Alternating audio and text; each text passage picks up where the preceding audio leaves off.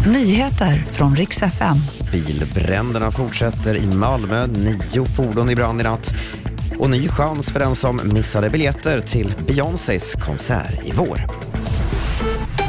Vi ska börja i Malmö där det har brunnit i ett antal bilar även i natt. Sammanlagt ska nio fordon ha stått i brand och polisen säger att de har flyttat resurser från övriga Skåne till Malmö för att förhindra fler bränder. Det finns ingen person gripen eller misstänkt för nattens bränder. I natt höll USAs president Joe Biden sitt årliga State of the Union-tal. I drygt en timme målade han upp bilden av ett land som förbättrats kraftigt sedan han tillträdde för två år sedan. Biden vädjade till republikanerna i kongressen om att samarbeta för att återuppbygga ekonomin och ena landet. Han pratade också om polisvåldet, om tillståndet för demokratin, kriget i Ukraina och om klimathotet. Och till sist, biljetterna till Beyoncés spelning i Stockholm den 10 maj har sålt som smör och nu är det klart att det blir en extra spelning dagen därpå.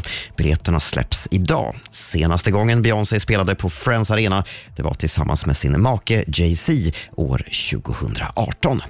Nu är du uppdaterad med det senaste och jag heter Robin Kalmegård.